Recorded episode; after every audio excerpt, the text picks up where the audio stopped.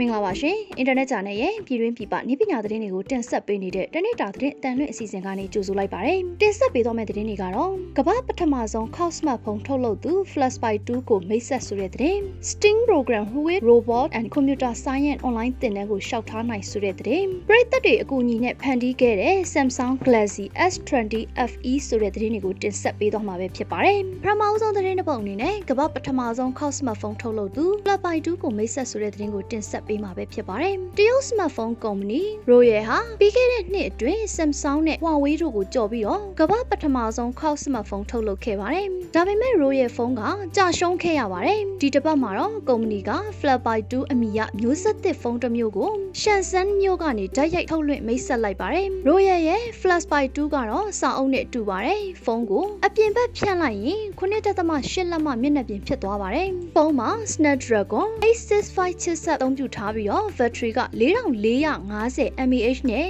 ကင်မရာလေးလုံးပါဝင်လာပါတယ်။ 5G လည်းထောက်ပံ့ထားပြီးတော့ American ၊ဥရောပနဲ့တရုတ်ကွန်ရက်တွေမှာအသုံးပြုနိုင်တယ်လို့ Royal CEO ဖြစ်သူကပြောခဲ့ပါတယ်။ Plus by 2ဟာအရင်မျိုးဆက်ထက်40ရာခိုင်နှုန်းပါလွာပေါ်ပါပါတယ်။ Plus by 2အထူက0.24လက်မပဲရှိက Samsung Galaxy Fold 2ထက်ပိုမိုပါလွာပါတယ်။ Plus by 2ရဲ့အထူးခြားဆုံးလှုပ်ဆောင်ချက်ကတော့ပတ်တာဖြစ်ပြီးတော့ပုံးကြောပတ်အထိပါဝင်ပါတယ်။ Royal က Plus by 2ပတ်တာဟာအကျဉ်းရ1.8တန်းအထိခောက်နိုင်ပြီးတော့ရေဆိုခံတယ်လို့မာကြောမှုရှိတယ်လို့လည်းပြောထားပါတယ်။မူလ Fresh Buy ကိုတော့ CES 2019ပြပွဲမှာပြသခဲ့ပြီးတော့9.8လက်မှဝေးနိုင်တဲ့ AMO LED မျက်နှာပြင်ကို plastic နဲ့ဖန်တီးထားကရုပ်ထွက်အရည်အသွေးကတော့1440 pixel ဖြစ်ပါတယ်။မူလ Fresh Buy ဟာကြီးမားလေးလာသလို software ပိုင်းအားနည်းပြီးတော့ user interface ကလည်းအထင်ကြီးစရာမရှိပါဘူး။ Plus Buy 2ကတော့မူလ model ကပြဿနာတွေကိုဖြေရှင်းထားပါတယ်။ Plus Buy 2မှာတော့ RAM 8GB နဲ့ storage 256GB ပါဝင်ပြီးတော့ Royal website မှာ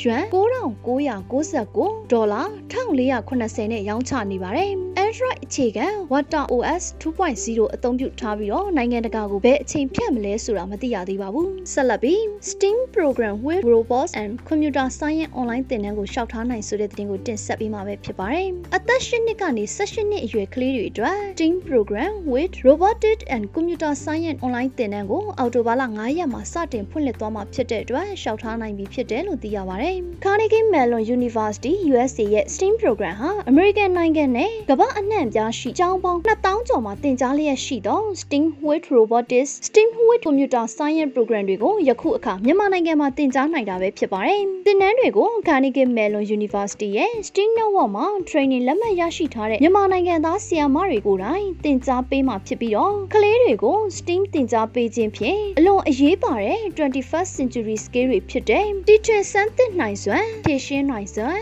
အသင်းအဖွဲ့စိတ်ဓာတ်စုပေါင်းလှုပ်ဆောင်နိုင်စွမ်းကိုယ်ပိုင်သင်ယူနိုင်စွမ်းအတွေးအခေါ်တွေဝေမျှအဖြေရှာနိုင်စွမ်းကြိုးကြောင်ဆက်ဆက်အသေးပြနိုင်စွမ်းပြောဆိုတင်ပြနိုင်စွမ်းဝေဖန်ဆန်းစစ်နိုင်စွမ်းရေးဖွဲ့ရှင်းလင်းနိုင်စွမ်းစတဲ့ skill တွေရရှိစေမှာပဲဖြစ်ပါတယ်ကလေးအသက်အရွယ်လိုက်အတန်း level ခွဲပြီးသတ်မှတ်ထားက level တစ်ခုပြီးမြောက်တိုင်း Carnegie Mellon USA မှာဓာတ်ရိုက်ပေးအပ်သော certificate လက်မှတ်ရရှိမှာပဲဖြစ်ပါတယ်။ level တစ်ခုအတွက်သင်ကြားချိန်နိုင်60ဖြစ်ပြီးတော့သင်တန်းကာလမှာ၄လဖြစ်ပါတယ်။တက်ရောက်လိုသူတွေအနေနဲ့ STEAM School by City College ရန်ကုန်ပေါင်း39 4539 634 432ကိုဆက်သွယ်စုံစမ်းမေးမြန်းနိုင်ပါတယ်။နောက်ဆုံးသတင်းတစ်ပုဒ်အနေနဲ့ပရိသတ်တွေအကူအညီနဲ့ဖန်တီးခဲ့တဲ့ Samsung Galaxy S20 FE ဆိုတဲ့သတင်းကိုတင်ဆက်ပေးမှာပဲဖြစ်ပါတယ်။ Samsung ဟာကမ္ဘာတဝန်းကက်ရောဂါဖြစ်ပွားနေတာကြောင့်ဈေးနှုန်းတက်တာပြီး S20 ရဲ့အဆင့်မြင့် feature တွေပါဝင်တဲ့ Galaxy S20 FE ကိုမိတ်ဆက်ခဲ့ပါတယ်။ Samsung S20 FE ဖုန်းကိုစက်တင်ဘာလ